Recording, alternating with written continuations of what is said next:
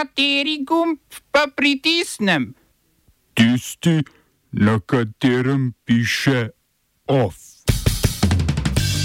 Italijanski delavci javnega sektorja stavkajo proti predlaganemu državnemu proračunu. Kenijski parlament kljub prepovedi vrhovnega sodišča odobril namestitev policistov na Haitiju. Zamrznitve štempljanja delavcev ne bo, inšpekcija bo zamaknila nadzor. Vlada popustila sindikatom, prihodnje leto usklajevanje plač v javnem sektorju bo.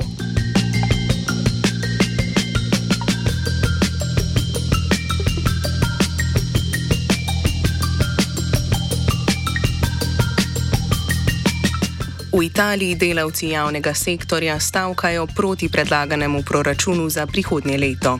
K stavki sta pozvali dve sindikalni centrali, Italijansko združenje dela in Generalna italijanska konfederacija dela. Proračun za naslednje leto, ki ga je vlada sprejela prejšnji mesec, združuje več plačnih razredov, s čimer znižuje davčne stopnje tistim z višjimi dohodki. Poleg tega plačevanja socialnih prispevkov oprošča matere dveh ali več otrok. Po mnenju sindikatov, proračun, ki ga parlament še ni potrdil, namenja tudi premalo sredstev zdravstvu in izobraževanju. Ministr za infrastrukturo in transport Mateo Salvini iz desničarske lige je v torek ukazal omejitev trajanja stavke v javnem prevozu na 4 ure in sicer med 9 in 13 uro. To je polovica zakonsko dovoljenega časa stavke v javnem sektorju, ki ni klasificirana kot splošna. V drugih sektorjih, to so izobraževanje, zdravstvo, pošta in komunala, bodo stavkali 8 ur.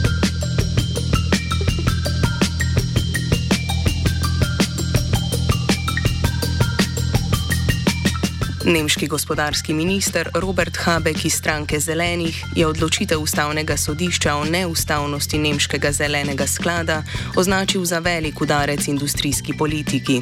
Po odločitvi Zvezdnega ustavnega sodišča vlada ne bi smela v sklad za podnebno prenovo preusmeriti 60 milijard evrov neporabljenih posojil, prvotno namenjenih ukrepom za blaženje posledic epidemije COVID-19. Nemška ustava omejuje dodatno državno zadolževanje na nič cele 35 odstotka bruto domačega proizvoda, razen v izjemnih okoliščinah, kakršna je bila epidemija. Ustavno sodišče je po pritožbi opozicijskih krščanskih demokratov odločilo, da poraba 60 milijard evrov za namen podnebnega sklada ne zadostuje ustavnim pogojem za izredno zadolževanje.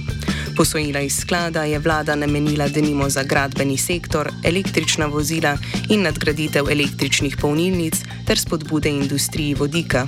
Izplačila iz sklada je vlada po odločitvi sodišča že ustavila.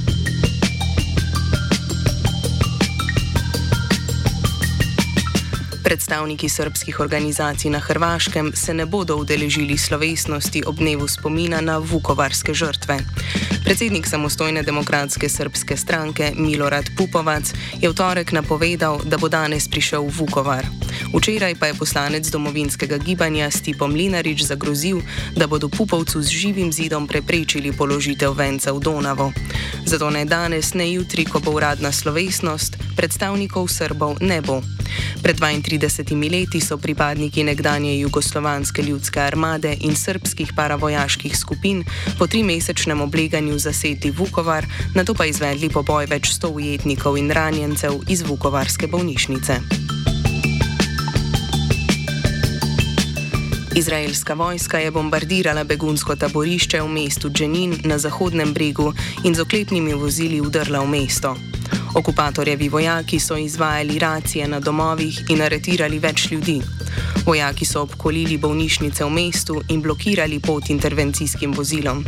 V zračnem napadu na begunsko taborišče je vojska ubila vsaj pet ljudi. Na zahodnem bregu, kjer gibanje Hamas nima oblasti, je okupatorska vojska od 7. oktobra skupno ubila 203 ljudi in jih več kot 2000 aretirala.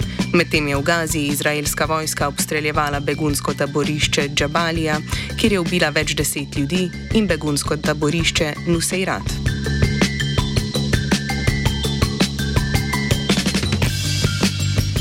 Kenijski parlament je odobril vladni načrt za namestitev tisoč kenijskih policistov na Haiti.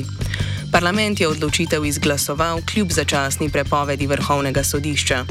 Opozicijska stranka Zavezništvo Tretje poti je na vrhovno sodišče naslovila pritožbo proti odločitvi vlade, ker po njihovem ustava dovoljuje samo namestitev vojakov v tujini, ne pa tudi policistov. Vrhovno sodišče je dokončne odločitve v tej zadevi prepovedalo odhod policistov na Haiti.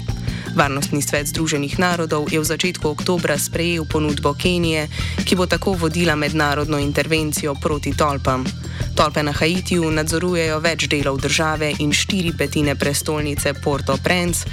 Za posredovanje je oktobra lani zaprosila sama haitijska vlada pod vodstvom začasnega premijeja Ariela Onrija, potem ko tolp ni mogla zatreti.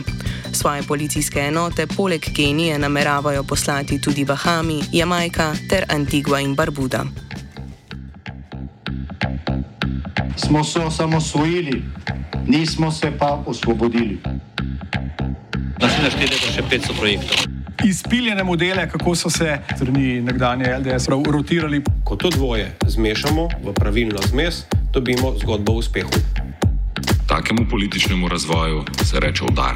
Jaz to vem, da je nezakonito, ampak kaj nam pa ostane? Brutalni obračun s politično korupcijo. To je Slovenija, tukaj je naša zemlja, to je Slovenija, Slovenija, Slovenija. Vlada je sprejela dopolnitve predloga zakona o izvrševanju proračunov za naslednji dve leti. Z njimi ukinja zamrznitev usklajevanja plač javnih uslužbencev z inflacijo. Za naslednje leto določa uskladitev vrednosti socialnih transferjev v višini 70 odstotkov rasti cen življenjskih potrebščin v letošnjem letu.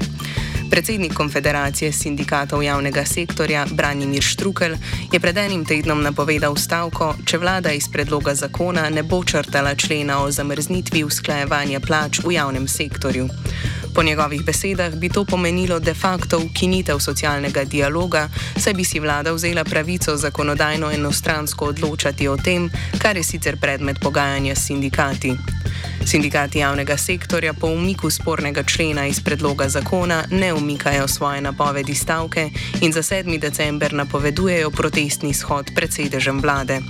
Zahtevajo takojšnje nadaljevanje pogajanj. Umik prepovedi usklajevanja plač sam po sebi po njihovem tega še ne pomeni.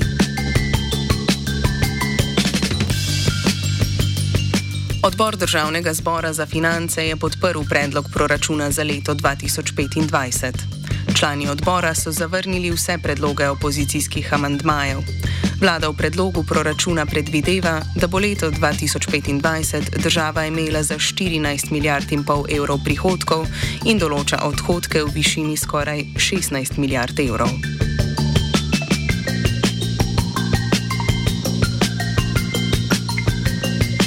Minister za delo Luka Mesec je sporočil, da zamrznitve sprememb zakona o evidencah na področju dela in socialne varnosti ne bo, tako da stopijo v veljavo s ponedeljkom. Začetek inšpektorskega nadzora izvajanja spremenjenega zakona pa vendarle prelagajo na, priho na prihodnji januar, saj inšpektorat za delo pričakuje, da bodo imela nekatera podjetja zaradi velikega števila novosti pri implementaciji težave. Mesec je napovedal, da bodo odprli elektronski naslov, kamor bodo delodajalci lahko pošiljali pripombe, na podlagi katerih bi čez tri mesece zakon po potrebi popravili. Inšpektorat v tem času ne bo izrekal sankcij, ampak podjetjem samo svetoval pri izvajanju zakona.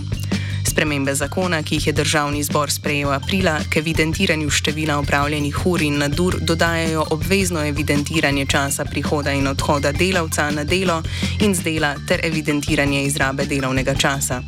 Minister za delo pojasnjuje, da je namen zakona zaščita plačila delavca za opravljeno delo.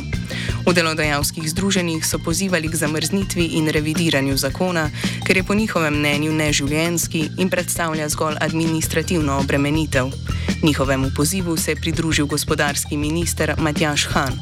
Proti zamrznitvi zakona so bili v Zvezi svobodnih sindikatov Slovenije, kjer so morebitno zamrznitev označili za zamrznitev temeljnih človekovih pravic.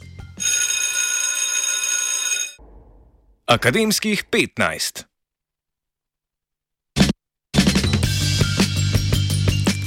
Javna agencija za znanstveno raziskovalno in inovativno dejavnost je rok za oddajo prijave projekta v razpisu za financiranje projektov v letu 2024 skrajšala za mesec in pol. Datum zaključka zbiranja prijav je prestavila na 12. januar, medtem ko se je letos razpis zaključil 28. februarja. Visokošolski in šolski sindikat sta se odzvala s pozivom agenciji naj ne spreminja roka za oddajo prijav, saj s krajšanjem v neenakovreden položaj postavlja raziskovalce, ki opravljajo tudi pedagoško delo. V prejšnjih letih je bil rok postavljen v čas po zaključku izpitnega obdobja, ko imajo raziskovalci manj pedagoških obremenitev in lahko več časa posvetijo pripravi prijave projektov. Agencija je odločitev za premik roka sprejela, da bi si podaljšala čas za recenzijski postopek in objavo rezultatov še pred poletjem, sindikat pa ustraja, da je časa dovolj. Ob tem so spomnili, da je agencija ocenjevalni postopek pri prejšnjem razpisu, torej letos, razvlekla čez poletje na skupno sedem mesecev, posledično pa so nekateri raziskovalci za več mesecev ostali brez financiranja.